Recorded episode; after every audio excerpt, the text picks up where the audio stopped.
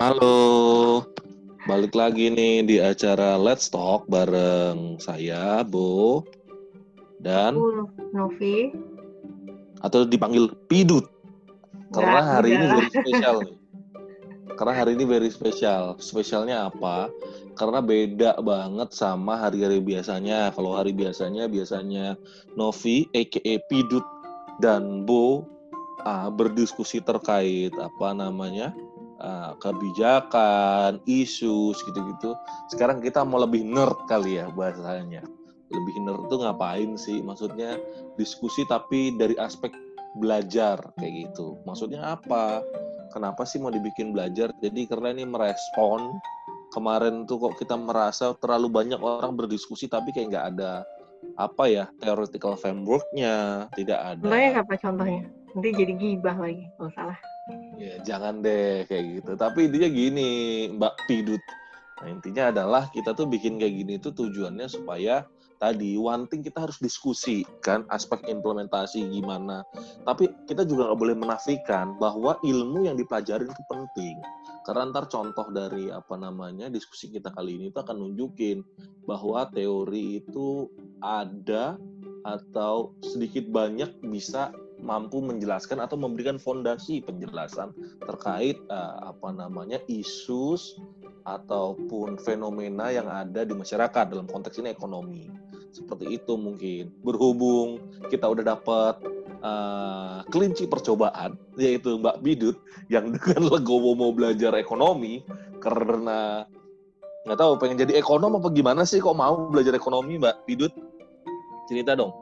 Sama ini on record loh. Jadi panggil namanya yang benar. Iya, Mbak Novi gimana? EKE Pidut gimana? Kenapa mau kok belajar kayak gini? Ya mungkin karena kita diskusinya banyak terkait isu-isu terkini dan isu-isu terkini yang lagi hangat ya ekonomi lah ya. Jadi paling nggak harus you have to know one or two things about economics. So I guess I should learn from yeah. Maksud kamu tuh economics itu theoretical framework-nya gitu ya? Iya. Hmm. Oke, eh, let's get it on aja ya kalau kayak gitu, eh, Novi. Coba eh, sekarang kalau seumpamanya apa namanya? Tadi kenapa sih manggil pakai nama kecil gitu? Maksudnya biar nggak tegang. Kita kan biasanya kalau ngomong pelajaran kayak wah serius banget gitu-gitu. Padahal Ini masalahnya gue ngomong- public, di publish banyak yang denger nanti. Oh iya bener juga. Eh, apa namanya? Biar maksudnya tujuannya adalah supaya tadi, maksudnya ada kayak kemarin lah kita diskusi itu nggak harus apa namanya eh, eh, terlalu serius diskusi isu kayak di berita-berita, kayak di ILC kita kan nggak mau yang setegang itu juga.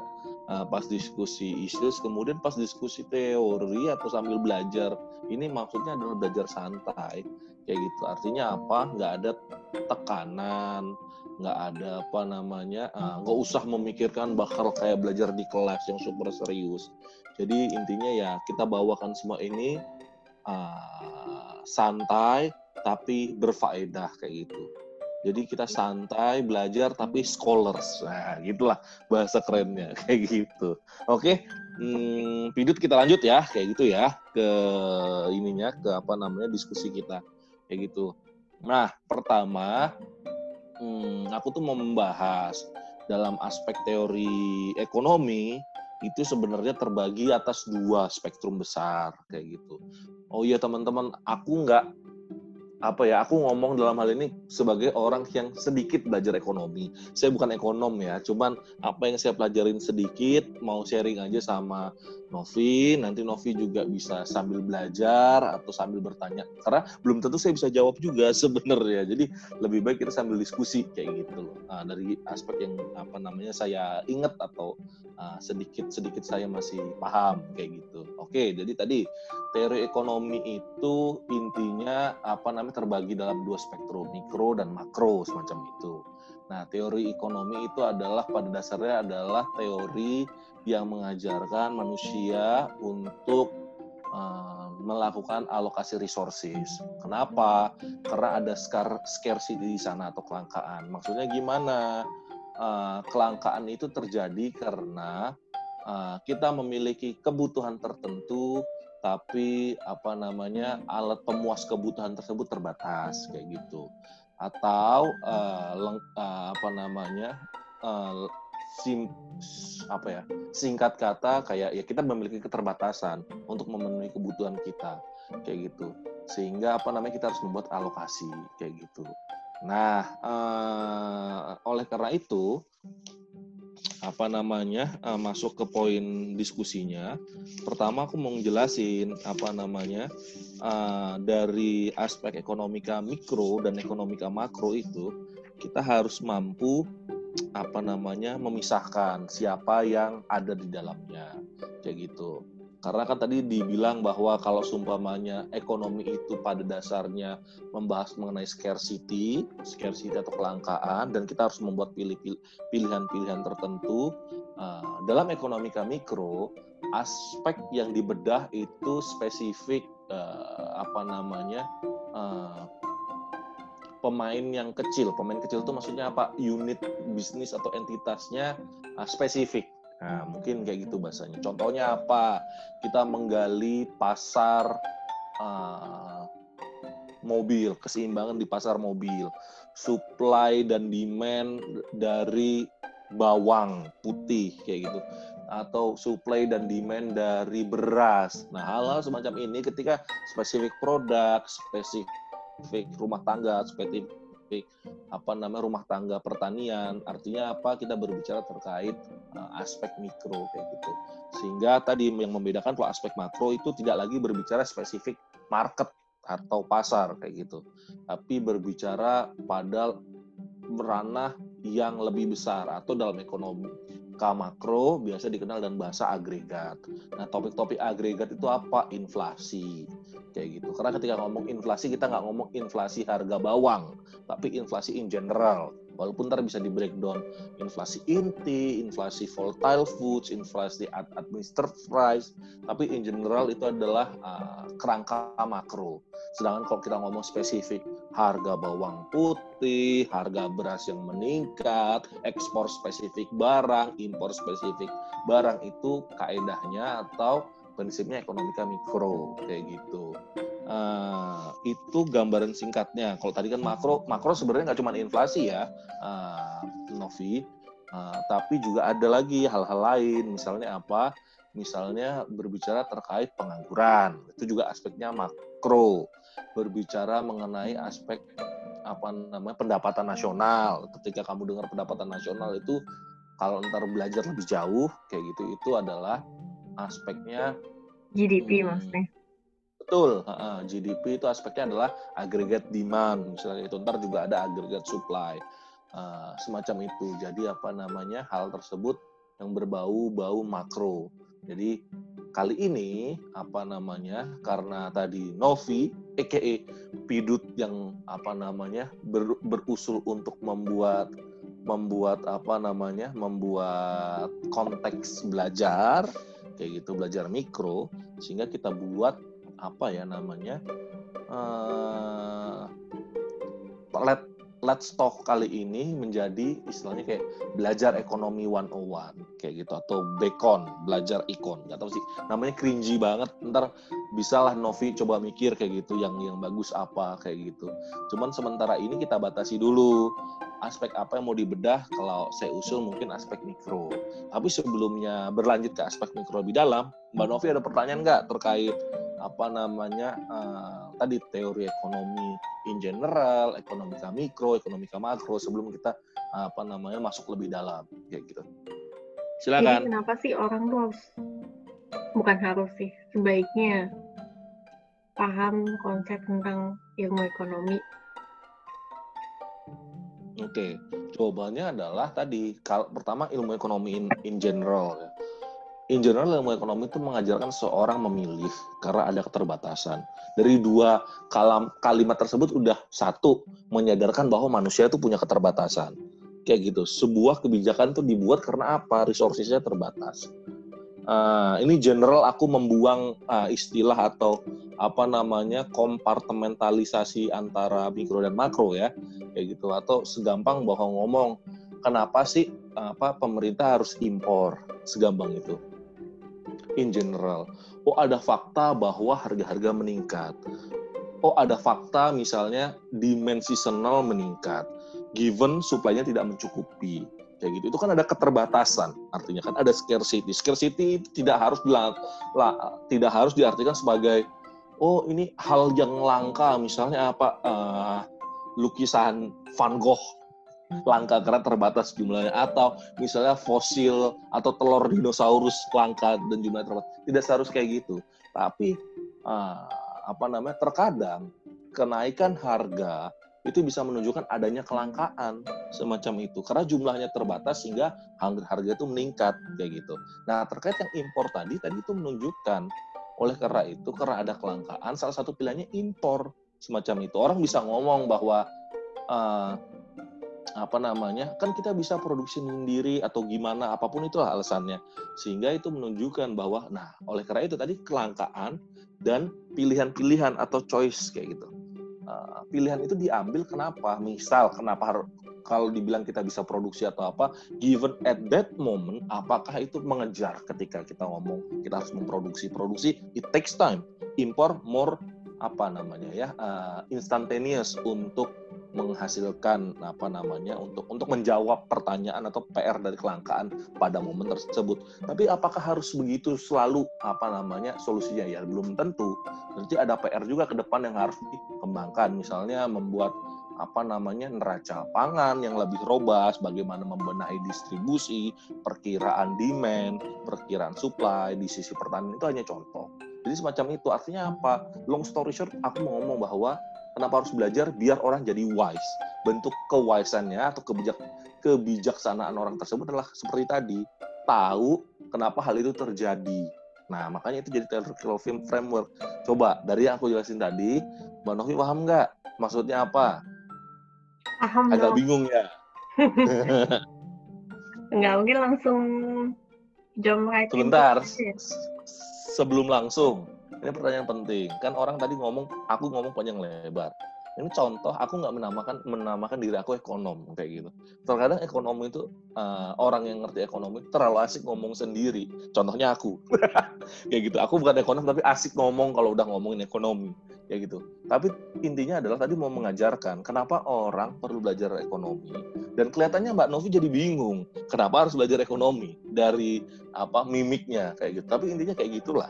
Dalam artian bahwa tadi apa namanya ada masalah supply dan demand kayak gitu intinya seperti itu ada keterbatasan yang terkadang uh, membuat apa namanya uh, scarcity atau kelangkaan atau simply harga jadi meningkat kayak gitu. Sehingga harus di apa namanya dijawab kayak gitu. Atau kedua ada situasi yang membuat menjadi scarcity misal shock kayak gitu atau krisis sehingga harus ada hmm, apa ya namanya adjustment harus ada anticipation semacam itu. Jadi Mbak Novi ngerti kan gambaran scarcity itu apa? Dan tadi tadi pilihan-pilihan itu. Ngerti ngerti. Oke, ya udah. Seperti itu gambarannya Mbak Novi kenapa harus belajar ekonomi in general untuk tahu theoretical frameworknya dan membantu nanti menjelaskan apa namanya momen-momen yang terjadi, isu-isu yang terjadi semacam itu dan pendekatan teorinya semacam apa, gap teorinya semacam apa. Seperti itu sih gambarannya. Tapi tadi yang aspek mikro sama makro aku mau nanya gantian. Uh, Mbak Novi paham nggak apa namanya uh, logika berpikirnya perbedaan mikro dan makro so far. Kalau nggak paham nggak apa-apa juga sih. Along the way kita akan belajar kan, seperti itu. Iya, so far sih paham ya. Beneran. Kalau aku Beneran. ngomong misalnya, uh, Novi membuat analisa terkait supply demand mobil di Pulau Jawa itu mikro atau makro ya? Mikro lah. Eh, mikro apa makro ya? Nah, udah mulai bingung. Coba aku bikin lagi. Nah, Mbak Novi melakukan analisa analisa supply demand mobil di Indonesia. Itu mikro atau makro? Itu makro. Oke. Jawabannya adalah keduanya itu mikro. Tapi ya. coba Mbak Novi kenapa tadi berpikir analisis mobil di Pulau Jawa itu mikro, analisis mobil di Indonesia itu makro? Kalau yang di Pulau Jawa ya pertama dia cuma di Pulau Jawa. Terus dia cuma ya analisis mobil. Mungkin yang kedua ketipu kata-kata Indonesia kali ya. Jadi kayak hmm. kalau udah skala nasional tuh udah pasti makro kesannya. Hmm.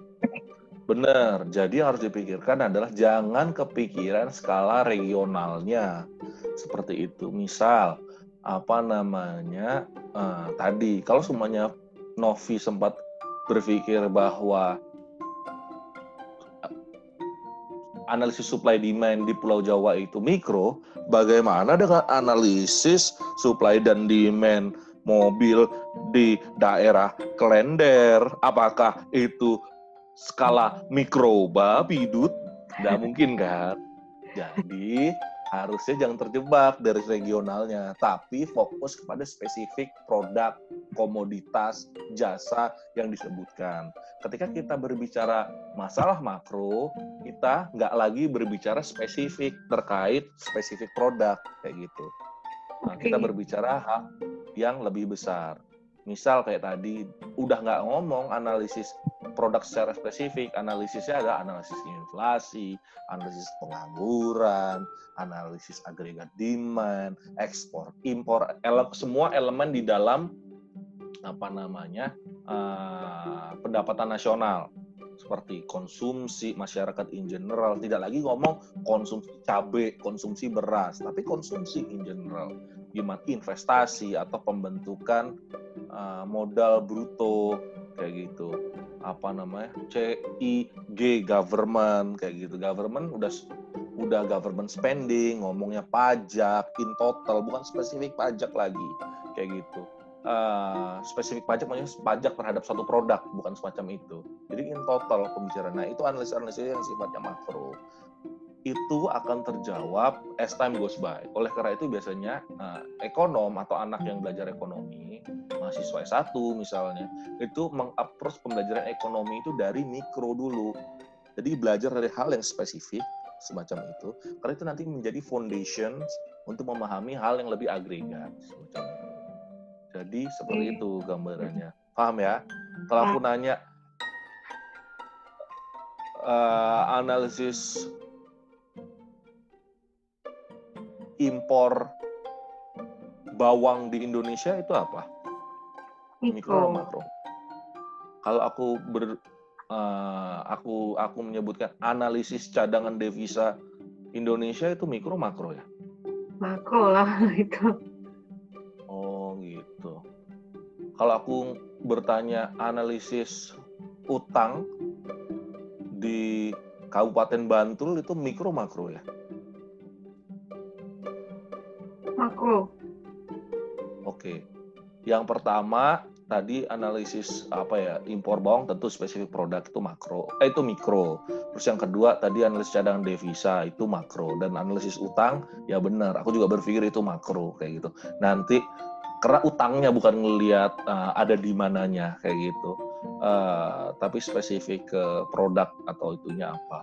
Seperti itu gambarannya Vidut tapi kalau ntar tiba-tiba ada listener yang mendengar dan pengen dikoreksi monggo lo nggak apa-apa banget. Kayak gitu. Tapi ya itulah maksudnya seingat aku yang aku baca ya demikian uh, analisis mikro makro itu itu jadi penting. Oke itu pengenalan dasar awalnya mikro makro. Jadi sekarang belajar ekonomi kali ini, belajar ekonomi bersama Pidut kali ini, kita akan membahas aspek mikro dulu ya, setuju ya, kayak gitu ya. Oke. Nah, jadi uh, lesson learn kita pertama kali ini adalah terkait hmm, supply demand in general, semacam itu. Hmm, uh, apa namanya di teori mikro pertama-tama masya apa namanya mahasiswa itu akan dikenalkan apa itu supply dan apa itu demand. Uh, Mbak Novi ada nggak pemikiran atau ide apa itu supply dan demand? Supply. Ayo nggak boleh nyontek. Yang ada di kepala kamu aja. Supply penawaran, demand, permintaan. Ya, saya minta bukan di Inggriskan atau ditranslasi dari Indonesia, apa Inggris ke Indonesia. Tapi apa penjelasannya? Yang ada di kepala kamu aja, kayak gitu. Ayo nggak boleh nyontek. Di, ditebak aja kayak gitu. Kalau Maksudnya kita mau ngasih kalau Ah, lanjut. demand beli barang. Kalau konsumen beli barang, kalau supply terkait penjual menjual barang. Oke, pendekatan kamu udah benar itu. Intinya bahasa awamnya bahas tadi kan tadi supply dan demand itu bahasa ekonomi. Atau di Indonesia kan tadi kamu jawab bukan menjelaskan itu ya cuma di Indonesia kan. Supply itu penawaran demand itu permintaan. Tapi bahasa awamnya tuh apa? Supply itu adalah apa yuk supply itu Apa adalah itu apa? penjualan intinya. Apa ayo? Coba tulis di komen ya. Bukan kayak gitu dong. Jadi supply itu intinya adalah penawaran. Demand itu adalah permintaan. Eh, sorry. Supply itu adalah penjualan. Demand itu adalah pembelian. Sehingga demand itu terkait dengan rumah tangga konsumen. Orang-orang yang membeli. Sedangkan supply itu adalah terkait dengan rumah tangga produsen atau orang-orang yang menjual, memproduksi dan menjual dalam hal ini seperti itu. Kayak gitu sebenarnya gambarannya eh, terkait supply dan demand. Kayak gitu. Itu gambaran singkatnya. Terus di dalam demand dan supply itu ada faktor-faktor yang mempengaruhi. Eh, Pidut bisa bantu nggak jelasin? Sebutkan tiga faktor yang mempengaruhi permintaan. Cepat saja. Ayo apa? Melalui permintaan, harga barang lain yang terkait, Hmm, terus eh, usaha-usaha dari penjual, diskon, atau ini sama Eh, jangan nyontek, nggak boleh nyontek. Kelihatan tadi. Pidut lagi nyontek, nggak boleh. Ayo, satu lagi. Cepet aja, nggak apa-apa. Pendapatan. Salah juga. pendapatan. Iya, nomor satu. Sebenarnya gini, temen-temen, nggak cuma buat Novi, entah kok semuanya ada teman-teman yang juga mendengar, ada beberapa hal yang mempengaruhi permintaan. Satu, tentu harga barang itu sendiri. Seperti itu. Itu adalah mempengaruhi permintaan. Tapi nanti spesifik bahasa apa namanya matematisnya atau bahasa grafisnya hal-hal yang mempengaruhi harga barang itu sendiri atau perubahan harga barang itu sendiri dikenal moving along the curve. Tapi ntar kita akan ke sana lah, biar nggak bingung. Sedangkan faktor-faktor lainnya itu disebut moving, ah, shifting kayak gitu pergeseran. Nah, apa saja sih sebenarnya yang apa namanya yang mempengaruhi hmm, permintaan tadi ah, Novi udah menjelaskan dengan sangat amat jelas beberapa contohnya kayak gitu. Bener kok. Uh, tentu tadi aku tambahin yang pertama tuh harga barang itu sendiri. Yang kedua adalah harga barang lain yang terkait. Yang ketiga adalah tingkat pendapatan. Yang keempat ada selera atau kebiasaan. Kelima adalah jumlah penduduk. Keenam adalah perkiraan harga di masa mendatang. Ketujuh adalah distribusi pendapatan. Hmm, ke atau pendapatan ya income maksudnya. Yang terakhir adalah usaha-usaha produsen meningkatkan penjualan seperti itu. Ah, terkait permintaan, jadi kali ini kita akan berbicara spesifik terkait permintaan. Ah, Novi, sekarang gambarannya teori permintaan itu kira-kira gimana bunyi hukumnya? Kalau permintaan eh, eh, Coba aku kasih clue ya dikit. Ah, jadi permintaan itu punya hukum. Hukum itu yang nanti akan menjelaskan bentuknya seperti itu. Kalau harga itu naik, orang akan meminta lebih sedikit atau lebih banyak. The same way kalau semuanya harga itu turun, orang akan meminta lebih banyak atau lebih sedikit. Seperti itu modelnya. Coba diformulasikan. kalau harga Iya. naik, bukan harga naik dong. Kalau pendapatan maksudnya. Eh, kalau harga naik orang minta makin dikit. Tapi kalau makin rendah makin banyak. Oke, itu adalah bunyi hipotesanya dari eh, kurva permintaan. Kalau kayak gitu, bentuknya gimana? Slope-nya gimana? Slope-nya negatif. Coba digambar. Mungkin uh, Novi sekalian bisa share screen, mungkin bisa sekalian mencoret kayak gitu. Uh, buat teman-teman yang mungkin mendengarkan kan nggak bisa akses kayak gitu. Tapi nanti kalau memang perlu butuh coretan-coretannya Novi untuk dicontohkan atau di share kayak gitu kayak gitu dari diskusi kita ya tentu boleh kayak gitu. Cuman sementara ini ya ini untuk mempermudah diskusi kita. Kalau teman-teman ada yang mau tahu lebih dalam dan punya pertanyaan tentu nanti bisa apa namanya uh, di, uh, meletakkan komen. Oke, tadi uh, apa namanya kurva itu nomor satu. Ini karena kurva dua dimensi tentunya itu ada dua sumbu yaitu sumbunya apa Mbak Novi misalnya? Yang vertikal itu harga, yang horizontal itu permintaan. Oke, untuk membuat garis itu dibutuhkan berapa titik minimum? Lima. Berapa? Lima. Coba uh, kalau tanpa titik bisa nggak buat garis? Nggak bisa. Kalau satu titik bisa nggak buat garis? Enggak lah. Kalau gimana sih maksudnya? Nggak apa-apa, ini diskusi makanya menarik nih. Tadi kata Novi kalau lima titik bisa ya bikin garis? Bisa. Apakah itu angka paling minimum?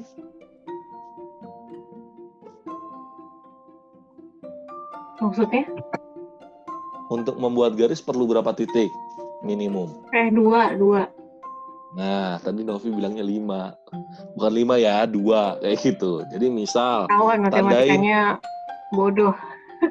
Waduh, nggak gitu dong. Maksudnya ini kan proses belajar. Jadi teman-teman bisa ngelihat bahwa ya tadi semua di sini tuh belajar bisa jadi yang aku ungkapkan juga ada yang mis ada yang apa. Ntar kalau ada komen dari teman-teman pendengar semua tentu kita reklarifikasi lagi kayak gitu di pertemuan selanjutnya. Uh, sama juga di proses ini kayak Novi belajar ada yang kurang tepat ya nggak apa-apa. Toh kadang aku juga mikir kayak gitu di proses belajarnya. Oke jadi ada dua titik. Uh, coba dibikin titik A dan B pada kurva permintaan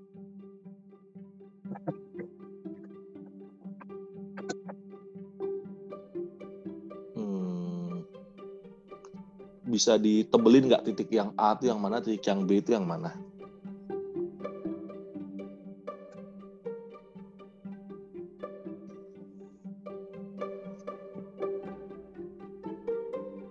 Oke.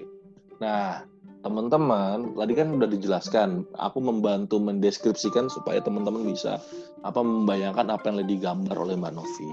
Intinya tadi Mbak Novi itu membuat sumbu vertikal apa namanya uh, grafik grafik itu dengan sumbu vertikal P, sumbu horizontalnya Q. Kemudian ada apa namanya uh, garis yang bergradien negatif atau berslope negatif kayak gitu, yaitu A dan B. Uh, boleh nggak di P-nya dikasih angka, misalnya A itu berapa, uh, di B-nya juga dikasih angka.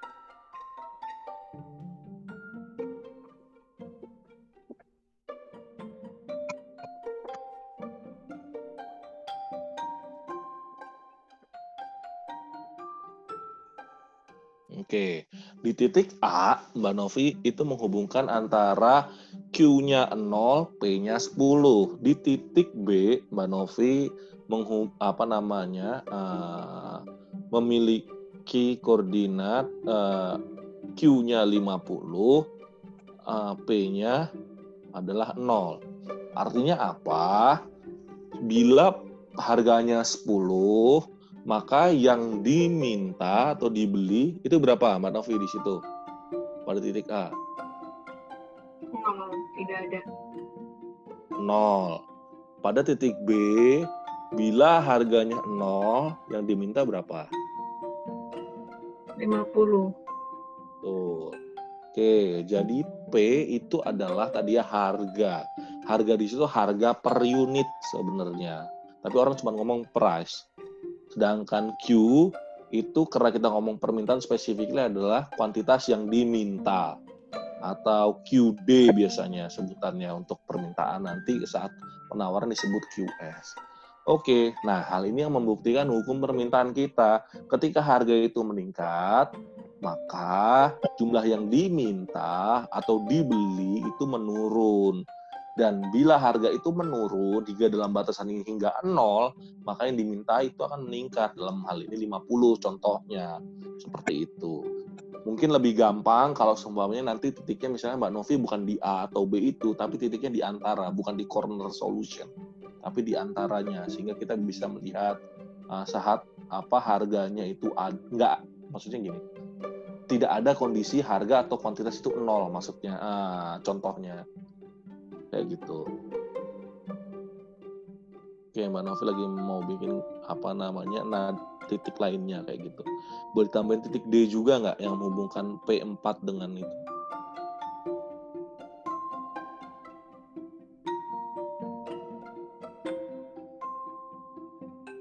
Oke, misal pada titik C harganya harga per unitnya adalah 6.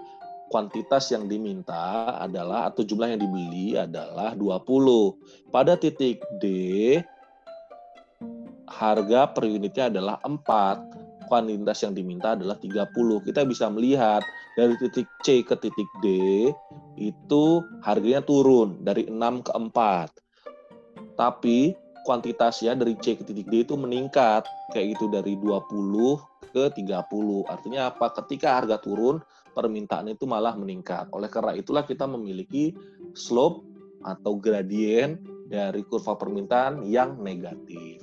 Seperti itu gambarannya. Mbak Novi ada pertanyaan nggak? Atau paham nggak so far? Ini sih paham. Eh, hal mudah bagi Novi dalam kondisi ini. Kayaknya dulu ininya anak IPA sih, jadi matematikanya lancar. Tapi begitu ya teman-teman semua. Sekarang selanjutnya kita ngomong ke faktor-faktor yang mempengaruhi. Nah ini spesifik. Jadi perubahan dari titik apa nama apa namanya tadi dari C ke D itu disebut moving along the curve atau apa namanya bergeser sepanjang kurva, tidak melakukan perubahan. Nah, bergeser semasang surfa ini dikarenakan apa yang berubah adalah harga barang itu sendiri faktornya. Jadi apa namanya tidak bergeser. Jadi moving along the curve. Tadi kan harganya turun dari 6 ke 4, contohnya maka kuantitas yang diminta meningkat kayak gitu. Lantas bagaimana bila faktor-faktor lain yang berubah? Tadi kan udah disebutkan sama Mbak Novi ada apa pendapatan, ada usaha-usaha yang dilakukan konsumen, ada harga barang lainnya seperti itu kan. Itu dampaknya gimana? Nah, ketika apa namanya dampak perubahan faktor-faktor lain tadi yang saya sebutkan sebagai contoh tadi adalah meningkatkan permintaan, maka kurva permintaan bergeser ke kanan atas atau biasanya disebutkan disebutnya sebagai kurva permintaan meningkat seperti itu. Bahasa matematikanya tadi uh, apa namanya right upward kayak gitu. Shift right upward itu bahasa matematikanya. Tapi bahasa apa namanya simplicitas dalam bahasa ekonomi biasa dibilang kurva permintaan meningkat. The same way ketika apa namanya eh, faktor-faktor uh, tadi membuat permintaan itu menurun maka kurva permintaan akan bergeser ke kiri bawah, ke dalam atau ke arah origin. Uh, atau bahasa ekon bahasa simpel ekon dalam ekonomi disebut kurva permintaan menurun. Seperti itu. Mbak Novi ada pertanyaan nggak dulu terkait hal itu? Hmm, belum sampai sekarang sih ngerti. Ya udah, kalau udah ngerti berarti kita langsung simulasi aja ya. Kayak gitu. Uh, minta tolong dibikin di apa namanya uh, grafik yang baru. Uh,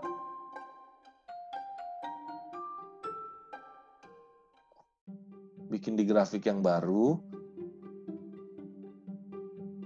Apa yang uh, analisis pasar per, eh, analisis permintaan kosmetik Novi. Hmm.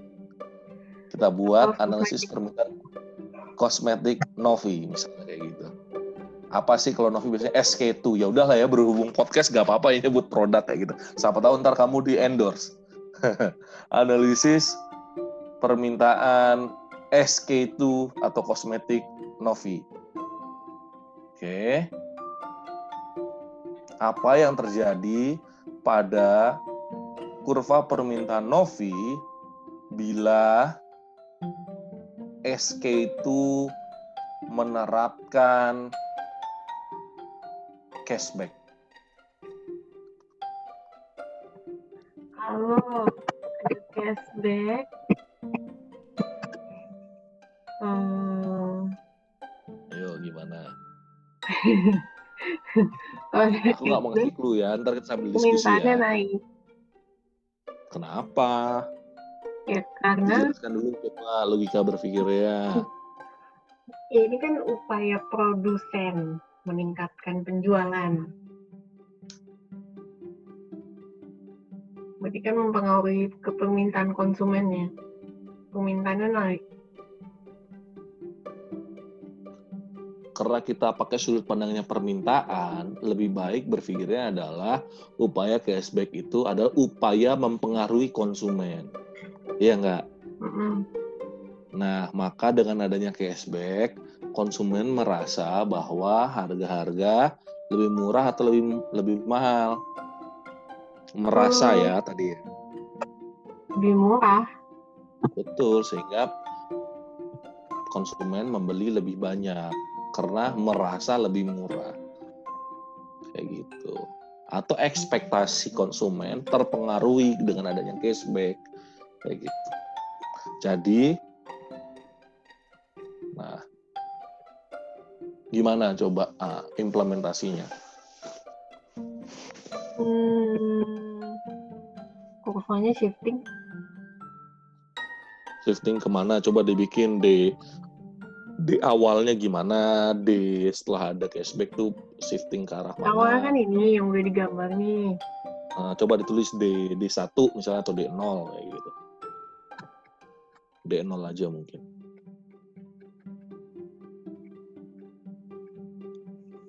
Deno. Wah, Karena salah. Kalau D-nya di pojok aja pidut. Itu yang di titik itu eh, dikasih titik A, B, C inget nggak kamu? Nah, kalau itu di ujung di ujung sumbunya ini. D0 misalnya.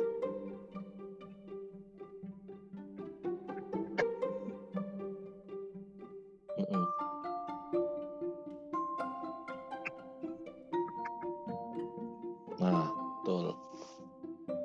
Nah, terus Karena ada cashback. Jadinya gini.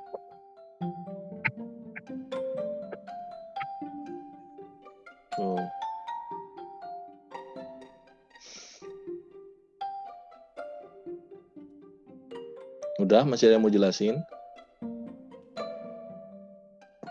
Hmm, kayak karena tadi ekspektasi harganya kesan kesannya lebih murah, jadi permintaannya akan menjadi lebih banyak. Jadi, aku coba mengkomplitkan bahasa yang diberikan Novi tadi. Karena adanya cashback, itu kan upaya untuk mempengaruhi uh, konsumsi seseorang. Uh, dengan adanya cashback, harga-harga terasa lebih murah. Oleh karenanya, apa namanya, masyarakat misalnya apa namanya, terpengaruh gitu untuk membeli lebih banyak. Seperti itu. Yang artinya apa? Men- mendrive demand ke kanan atas seperti itu. Jadi misal Novi yang titik C itu kan tadi ada sumbu-sumbu ver apa sumbu titik-titik dihubungkan dengan huruf P. Dikasih tahu coba itu P0, uh, P1 misalnya kayak gitu.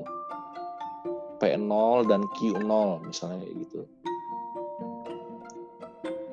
Nah, kalau sumber sumbu titik-titik itu dihubungkan ditarik sampai ke sumbu D, D1 maksudnya. P0-nya coba ditarik sumbu putus-putus. Tarik ke bawah. Nah, itu kasih Q Satu. Di Q0 ditarik apa namanya sebut titik-titik C tadi ditarik ke atas sampai ketemu P1 misalnya.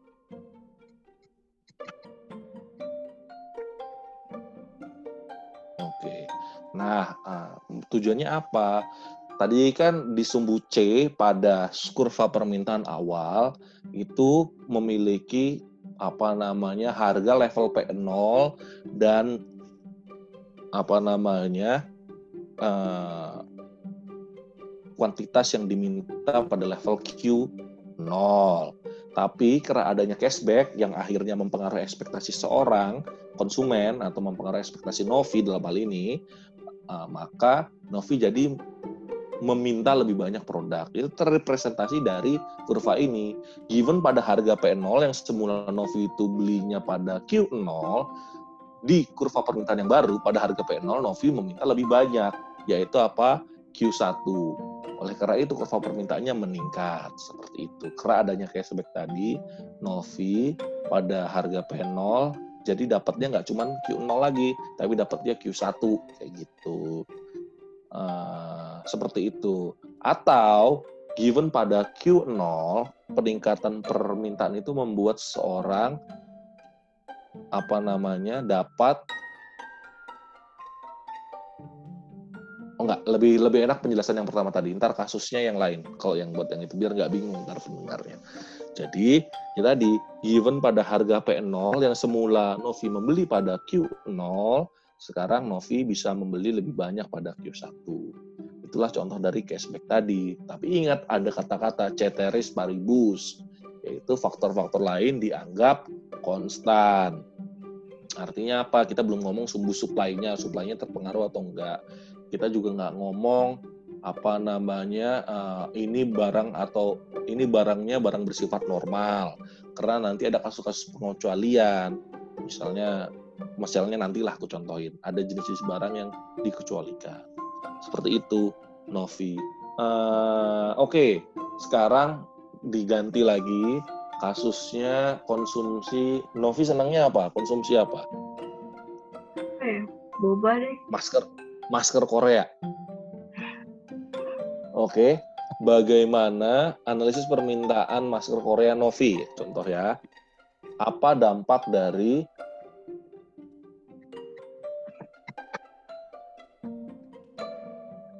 peningkatan pendapatan Novi, misal karena THR terhadap permintaan masker Korea Novi. Coba. Kalau ada peningkatan THR, berarti kan peningkatan pendapatan tuh. Berarti um, bisa membeli masker lebih banyak. Coba gimana gambarnya?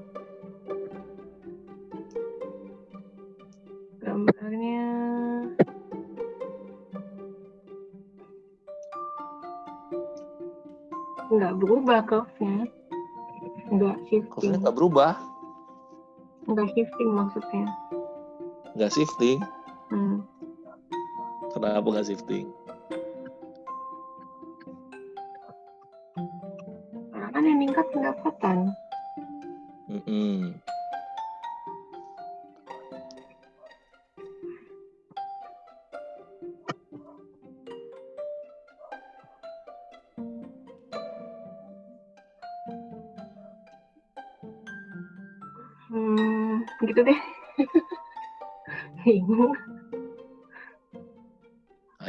Coba di recall.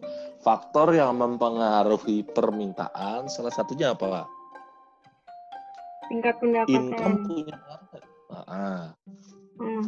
nah kal tadi kan dibilang bahwa bila yang berubah adalah harga barang itu sendiri di moving along the curve. Oh iya mm -mm. Kalau ini Tapi berarti... bila harga barang sendiri berubah karena sebagai dampak faktor lain yang berubah, eh, dia shifting atau moving along the curve? Shifting. dengan tadi Novi contohnya dapat THR kayak gitu dapat THR dampaknya gimana ke kurva permintaan Novi geser ke kanan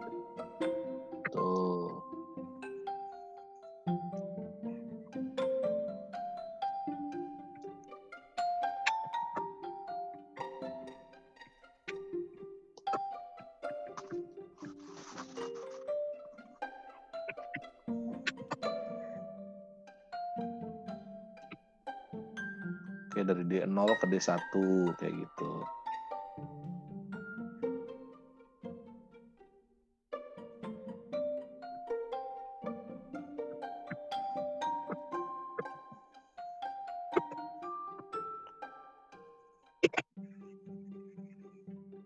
Coba uh, nggak apa-apa P0-nya dikasih angka kayak tadi nggak apa-apa. P1-nya juga dikasih angka Q0-nya dikasih angka Q1-nya dikasih angka. Eh Q0-nya udah ada angkanya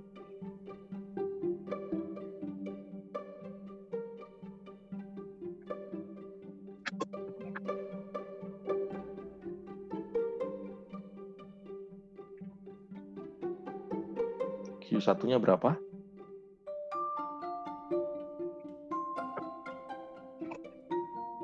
Oke, uh, Novi nanti sekalian diperjelas yang tadi ya nomor satu THR itu kerangka berpikirnya seperti apa. Uh, dengan THR tuh meningkatkan apa?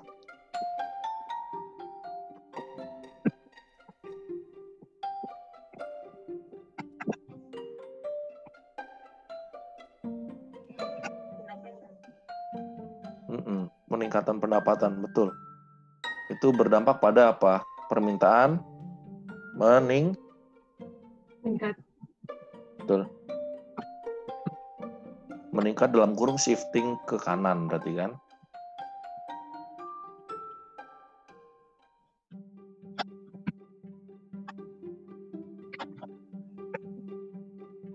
ceteris paribus, maka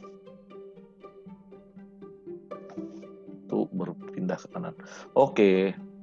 Jadi, misal Novi tadi berbicara shiftingnya ini ke kanan.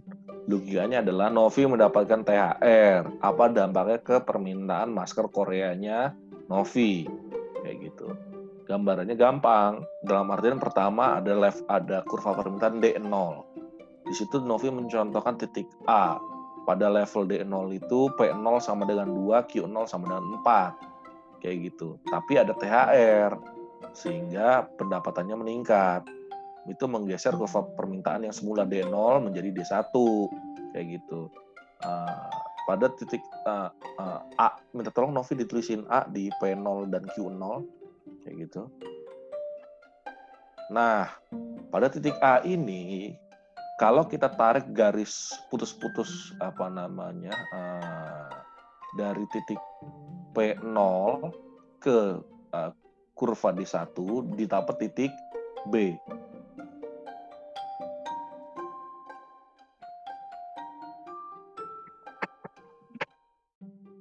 Waduh, salah, nggak nggak nggak nggak kurang kurang dengar tadi Novi kurang konsentrasi. Oke, bila dari sisi Q0 ditarik ke sumbu uh, ke kurva D1 didapatkan titik C. Nah, ini mau menunjukkan apa?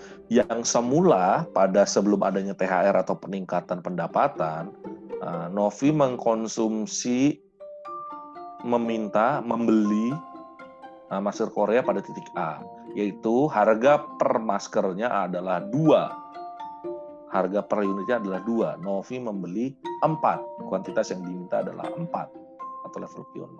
Dengan adanya pemberian THR atau peningkatan pendapatan, kurva permintaan Novi bergeser ke kanan. Artinya apa? Given pada harga yang sama, levelnya dua, yang semula Novi hanya bisa membeli empat, sekarang bergeser ke level Q1 yang bisa membeli enam Seperti itu. Pada harga levelnya dua, kalau pendapatannya meningkat atau pada titik pembelian awal yaitu hanya membeli empat kayak gitu kan. Yang semula sebelum ada pemberian THR tuh Novi hanya bisa atau bisa membeli atau mau membeli hanya pada level harga per unit sebesar dua rupiah kayak gitu. Tapi sekarang karena adanya pembagian THR yang meningkatkan pendapatannya, kalau mau beli empat uh, masker Korea, Novi sanggup membelinya bahkan bila harganya sama dengan 6. Contohnya seperti itu, yaitu titik C. Nah, di sinilah yang menyebutkan efek pendapatan. Peningkatan pendapatan membuat Novi bisa membeli lebih banyak, atau kalau Novi membeli pada jumlah kuantitas yang sama, Novi mampu untuk membeli produk tersebut pada harga yang lebih tinggi. Seperti itu. Paham ya? Oke, misal uh, sebelum berlanjut, aku cuma mau ngasih dua contoh. Uh, dua contoh tadi itu menunjukkan apa? Misal cashback itu kan sesuatu yang dekat dengan kita ya Novi. Kayak gitu. Ini mengajarkan ke teman-teman ada logika di situ. Oh, pemberian cashback itu agar enticing atau membuat apa namanya naluri semangat konsumsi lebih tinggi sehingga kurva permintaannya bergeser ke kanan orang terpengaruhi artinya apa given harganya tetap orang membeli lebih banyak kan profitnya lebih bagus kayak gitu Uh, seperti itu karena ya tadi maksudnya untuk mendongkrak penjualan. Nah yang kedua ini contoh pendapatan. Kalau pendapatan orang meningkat, misalnya ada pembagian THR atau apa pun itu, konsumsi orang akan bisa lebih tinggi kayak gitu. Given harganya selama membeli lebih banyak atau pada kuantitas yang dibeli sama, dia mampu membeli dengan harga lebih tinggi. Tapi maksudnya kasusnya yang pertama, pada harga yang sama dia bisa membeli lebih banyak, seperti itu contohnya. Nah, ada logika ekonominya kan. Misal bulan puasa habis dapat THR, kenapa uh, mall-mall rame saat nggak lagi COVID ya tentunya. Ya tadi logika berpikir semacam itu. Atau misal kenapa inflasi in general itu meningkat pada bulan-bulan pembagian THR atau bulan puasa ya karena tadi ada permintaan demand sehingga uh, given harga uh, kuantitas yang dibeli sama harganya harga yang mampu untuk dibeli itu bisa meningkat. Kayak gitu. Atau bahasa ekonominya demand pull inflation. Itu hanya contoh. Nanti specifically ngomong inflasi di uh, uh, apa namanya diskusi selanjutnya. Tapi ada logika ekonominya ya kan? Ada pertanyaan nggak Novi sebelum lanjut? Paham nggak maksudnya tadi dua penjelasan tadi hmm, paham sih. Kalau misalnya ada apa ya dari eksternal misalnya dari terkait regulasi gitu bisa nggak ya? Sebentar. Ngomongnya mulutnya jangan ditutup nggak kedengeran suaranya. Kalau kayak regulasi. Misalnya pajak gitu bisa pengaruh hmm, bisa. Tapi ntar aja dibahasnya kayak gitu. Ada pengaruhnya dari pajak tentu ada juga. Itu contoh lain semacam itu. Tapi dua contoh ini. Dua contoh ini adalah contoh awal. Seperti itu. Nah, ini nah kalau semua barang. Betul. Nanti di per, uh, pertanyaan Novi bagus. Ntar di bagian permintaan ini aku akan tutup dengan ngomong bahwa uh, apa namanya ini baru sebatas barang-barang normal kayak gitu. Ntar ada kasus lain. Ntar kita cut dulu mungkin di permintaan ya nanti ya Novi. Cuman satu contoh lagi kayak gitu biar nggak terlalu panjang. Satu contoh lagi. Uh, sebelum masuk ke contoh selanjutnya adalah aku mau ngomong ke Novi bahwa kalau THR tadi meningkatkan permintaan ke kanan. Kalau tiba-tiba ada pemotongan gaji atau pesangon atau upah, dampaknya gimana? Penurunan pendapatan. Hmm, Artinya kurva permintaannya ke mana? Ke kiri. Boleh, coba dicontohkan di gambar yang baru.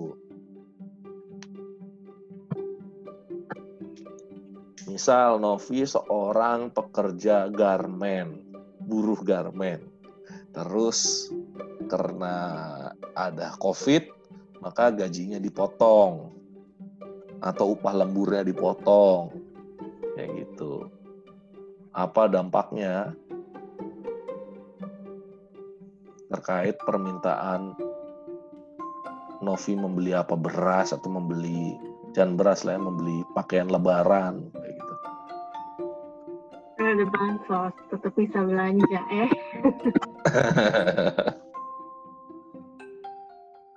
ya udah, berarti permintaannya turun.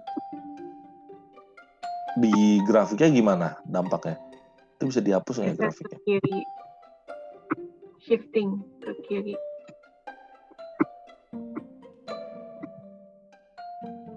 Boleh nggak dibikin kayak gambar kayak gini juga?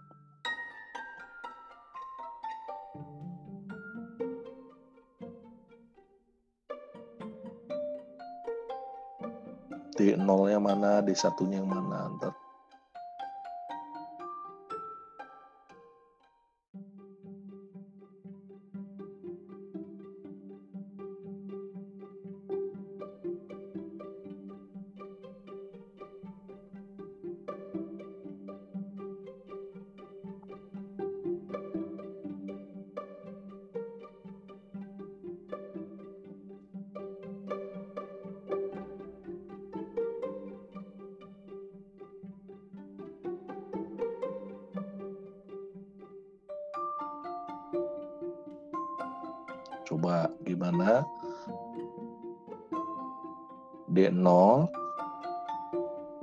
Dampaknya gara-gara COVID, upah atau gaji diturunkan.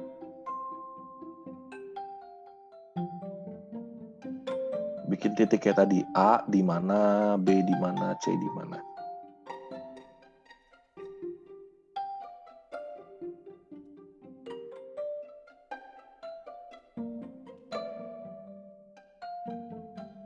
Beririsan.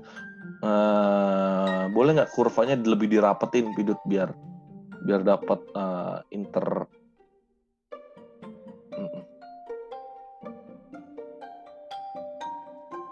Kita tolong ya, coba didempetin.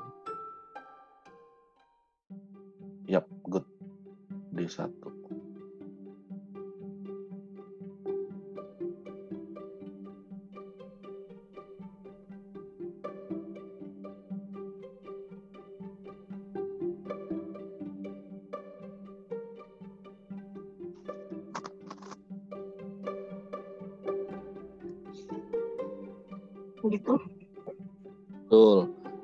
Coba dibikin P0, P1, Q0, Q1, coba deh. Itu P0. coba ada yang salah nggak? Q0.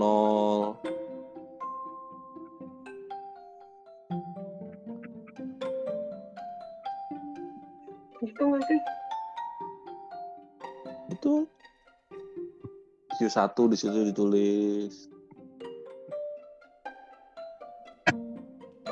Udah mulai bingung kan? Contohnya di tweak sedikit aja pasti membuat bingung sehingga itu yang menarik dari ekonomi. Yang harus dipegang adalah konsep. Coba ditulis eh, P1.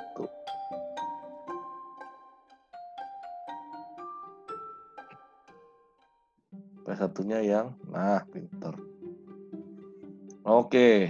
Jadi Novi semula membeli sebelum ada apa namanya COVID dan pemotongan upah.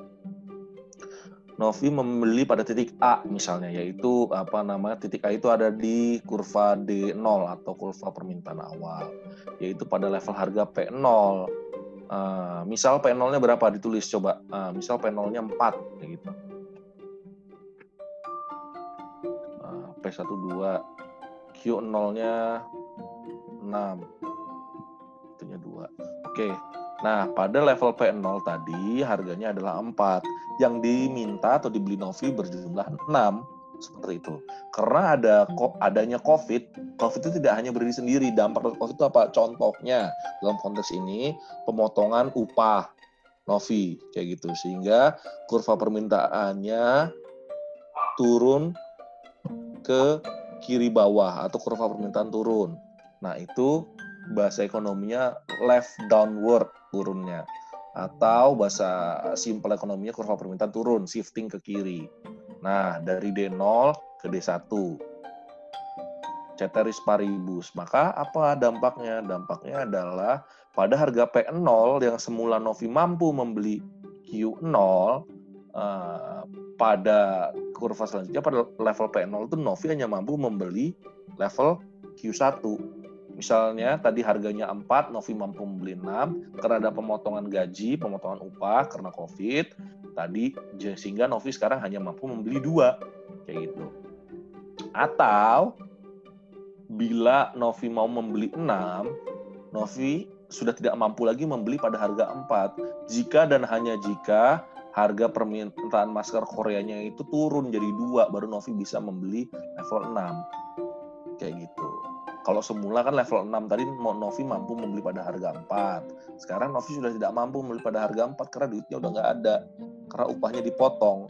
Sehingga kalau mau mempertahankan harga 4 Novi hanya mampu membeli pada harga 2 kayak gitu. Uh, atau yang lebih gampang kayak tadi. Kalau harganya apa namanya pada level harga 4 kayak gitu. Maka yang semula Novi bisa membeli 6 sekarang Novi hanya mampu membeli dua. Seperti itu. Asumsinya nomor satu apa di sini kalau kayak gitu Novi?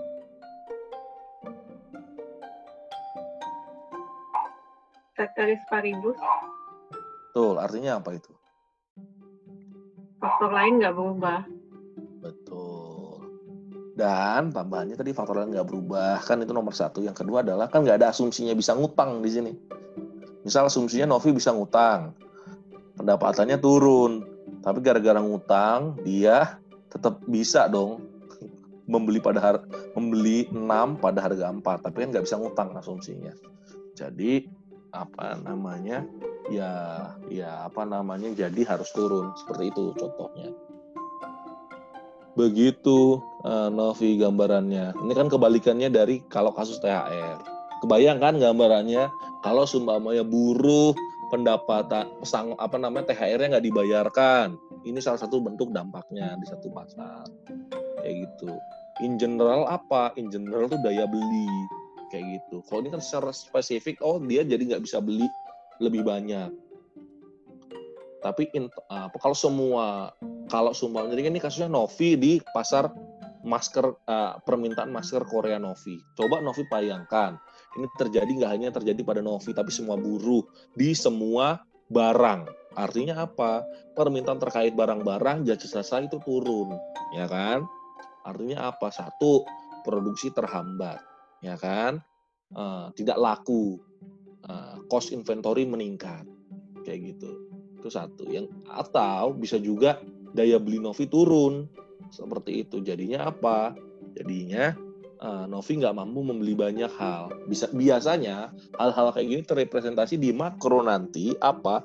Inflasi yang menurun. Misalnya kayak gitu. Karena inflasi itu merepresentasikan penurunan daya beli terkadang. Pen, ah, sorry penurunan inflasi itu ter, terkadang bisa menunjukkan penurunan daya beli. Seperti itu. Contohnya tadi. Kayak gitu. Kalau kasus pesangon kok THR adanya peningkatan inflasi. Bisa jadi merepresentasikan peningkatan daya beli. Tapi itu proporsional ya. Beda sama krisis. Kok krisis inflasinya tinggi banget tapi daya belinya nggak meningkat? Tentu kasusnya berbeda. Seperti, seperti itu. Oke contoh terakhir. Apa? Contoh terakhir ya Novi. Hmm. Apa dampak misal Novi suka konsumsi apa ya? Kamu tuh suka makan apa ya? Sushi ya, sushi. Pak, permintaan sushi Novi misalnya kayak gitu.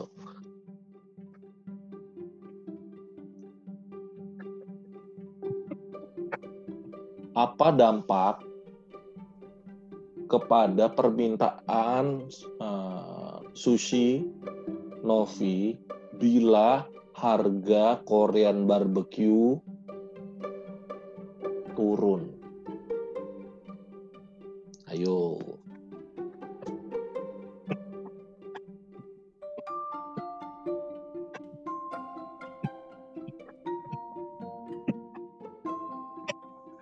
Dampaknya permintaannya turun. Kenapa bisa kayak gitu? Hubungannya gimana? Karena Korean barbecue ini kan barang substitusi. Hmm. Coba dikasih contoh, analisis permintaan apa tadi di sini?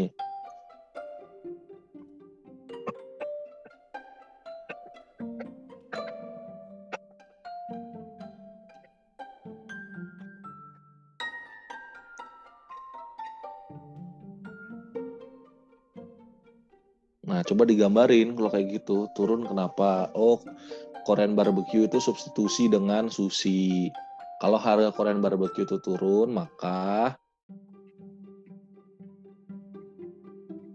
ya orang balik ke sana. Betul. Harga relatif Korean barbecue, ter, harga relatif tuh P Korean barbecue terhadap P sushi itu turun misalnya gitu. Ya udah substitusi aja bahasa gampangnya dulu nggak usah pakai bahasa matematis. Maka gimana dampak ke kurvanya? Set ayo ditarik. Set mantap.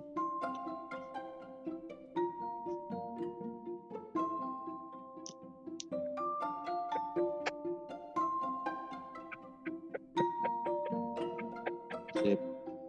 bikin D0, D1, P0, P1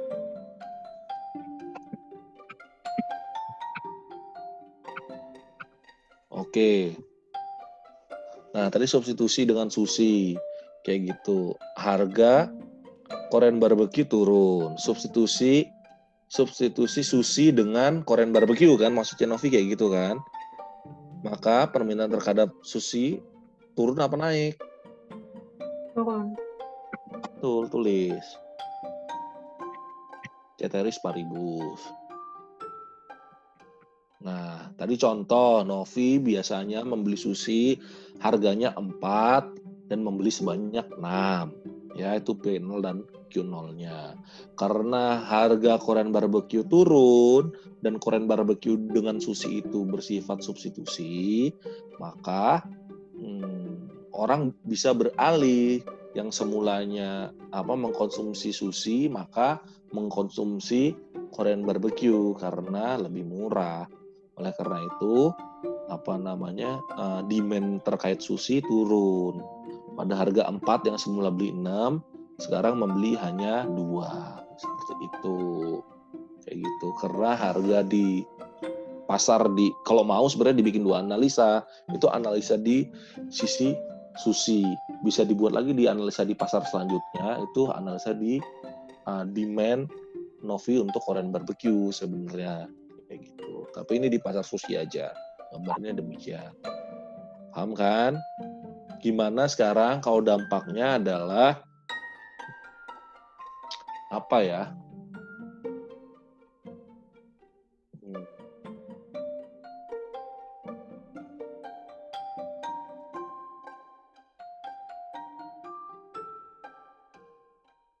Oke. Hmm.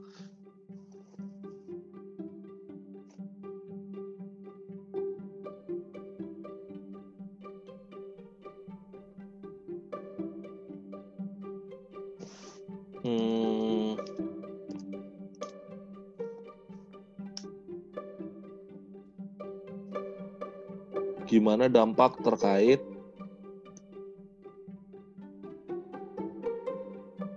misal permintaan Novi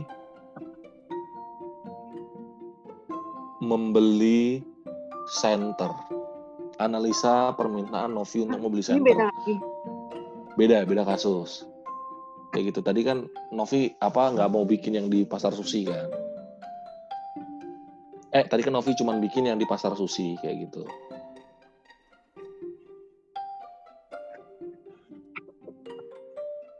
eh sebelumnya sebentar sebelumnya tadi Novi kalau Novi tadi gambar eh, apa namanya eh, pasar susinya tadi jadi turun di pasar Korean barbecue bentuknya gimana moving along the curve atau shifting? Shifting.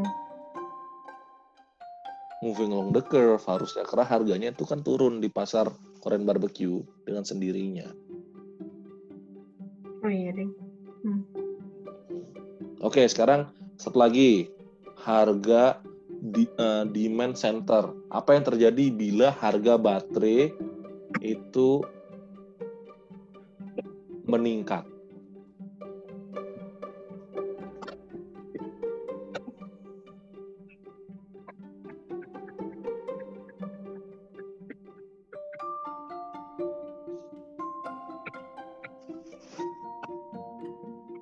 Sorry sorry sorry.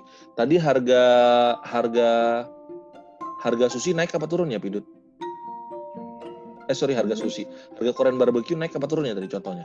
Turun. Oke sekarang harga baterai turun juga.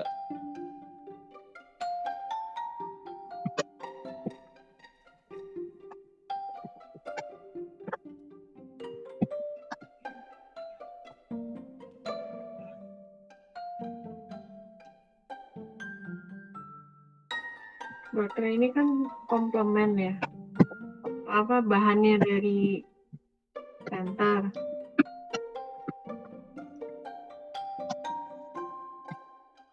komplement dengan center maksud kamu ya? Mm -mm. berarti karena harga baterai turun harga center bisa turun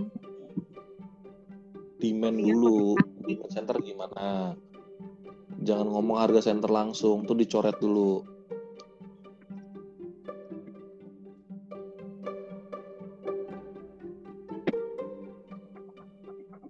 Coba gimana? Harga baterai turun. Baterai dan center hubungannya komplementer maka permintaan terkait itu gimana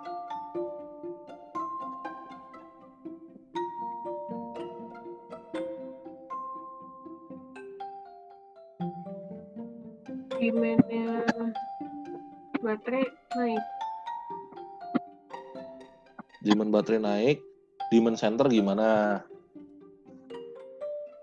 demand center naik juga ya nggak sih Betul. Ketika ngomong demand, bedain demand SQ, jumlah yang diminta sama demand SD. D itu kurva, kayak gitu. jadi kurvanya ke kanan Iya. Betul. Nah, kalau tadi kurvanya ke kanan apa ke kiri? Kalau si Korean barbecue tadi, kiri kiri kan, turun kan. Kalau ini kan karena hubungannya kalau yang tadi substitusi, kalau sekarang hubungannya komplementer. Kayak gitu. Karena harga turun, Novi bisa membeli lebih banyak baterai, apa namanya? eh, misal ya ya nggak ngerti ya, Novi butuh center kayak gitu atau di tempat di rumah yang belum ada listriknya. Intinya adalah ya tadi dengan adanya penurunan harga baterai itu bisa meningkatkan apa namanya eh, permintaan juga terkait center atau lebih gampangnya kalau ngomong industri. Nah ini kan contoh Novi spesifik.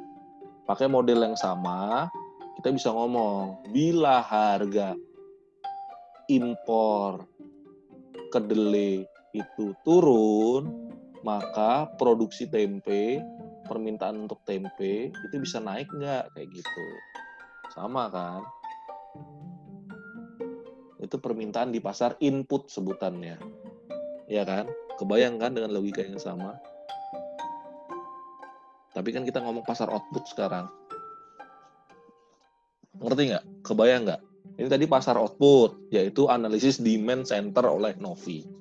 Kayak gitu. Kalau harga baterai turun, permintaan terkait baterai naik.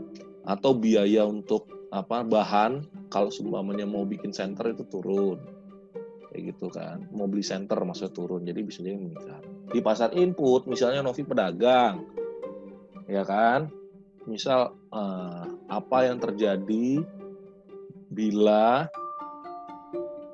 harga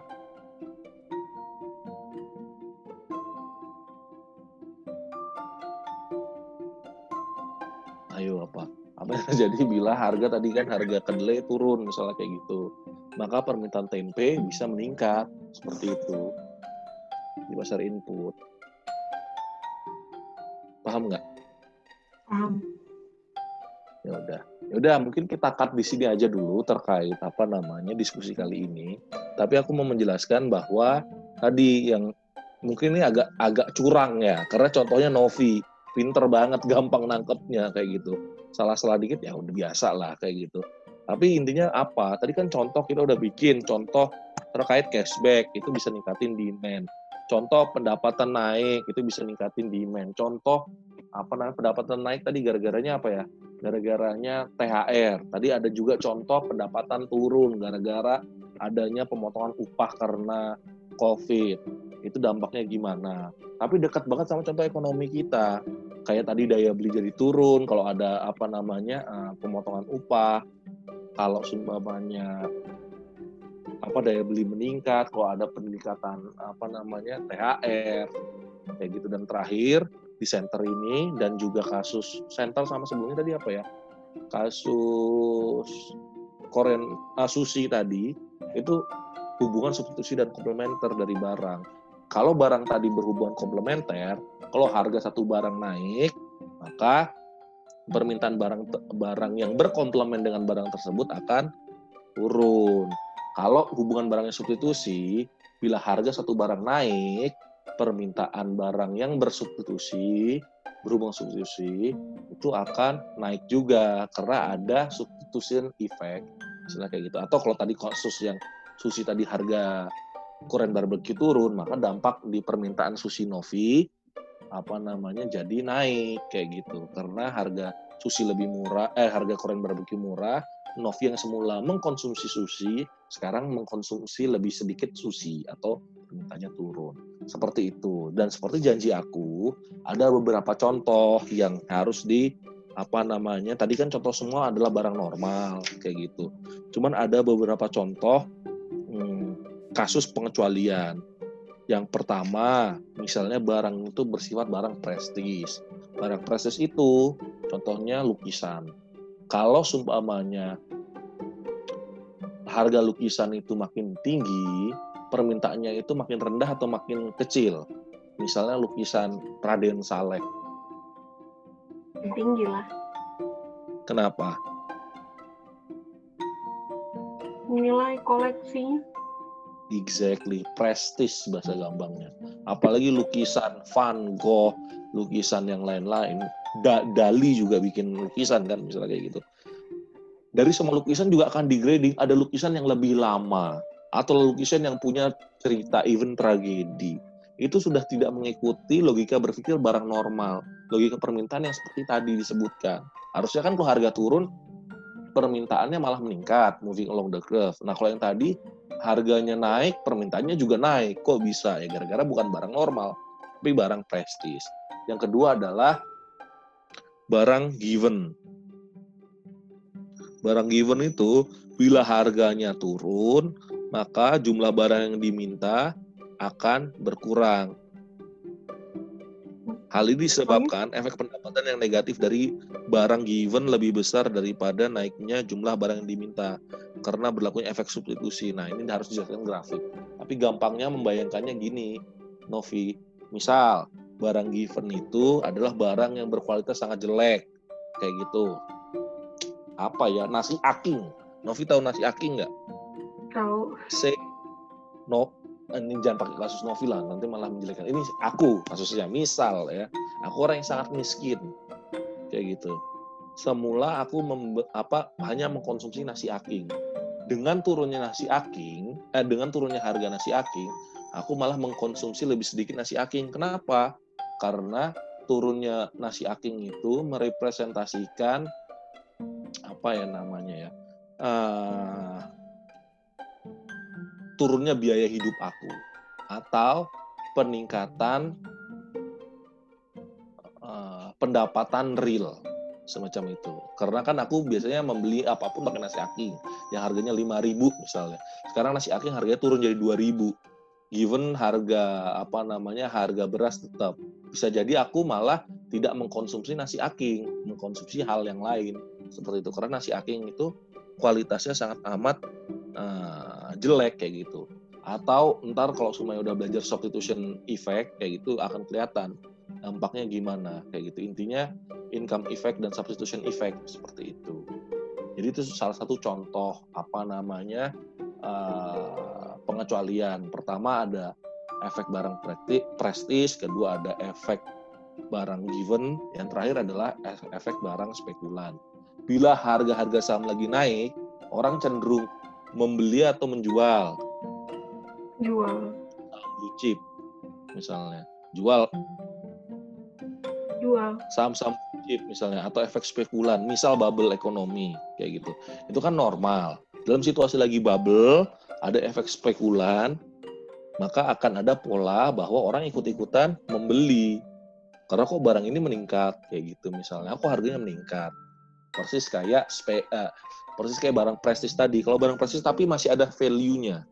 Kayak gitu. Kalau spekulan itu tidak. Hanya ikut-ikutan saja kayak gitu. Jadi harga yang meningkat diikuti perilaku atau permintaan lebih tinggi.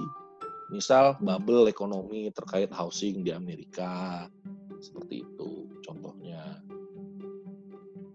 Seperti itu gambarannya. Jadi ada pengecualian Novi yang tadi Novi bahas adalah barang normal. Seperti itu. Nah, apa? Ya lumayan bingung. Masih lah dikit, walaupun masih bingung-bingung. Sip, ya udah mungkin kita batasi segini dulu. Jadi besok ntar kita bisa membahas sisi permintaannya seperti itu.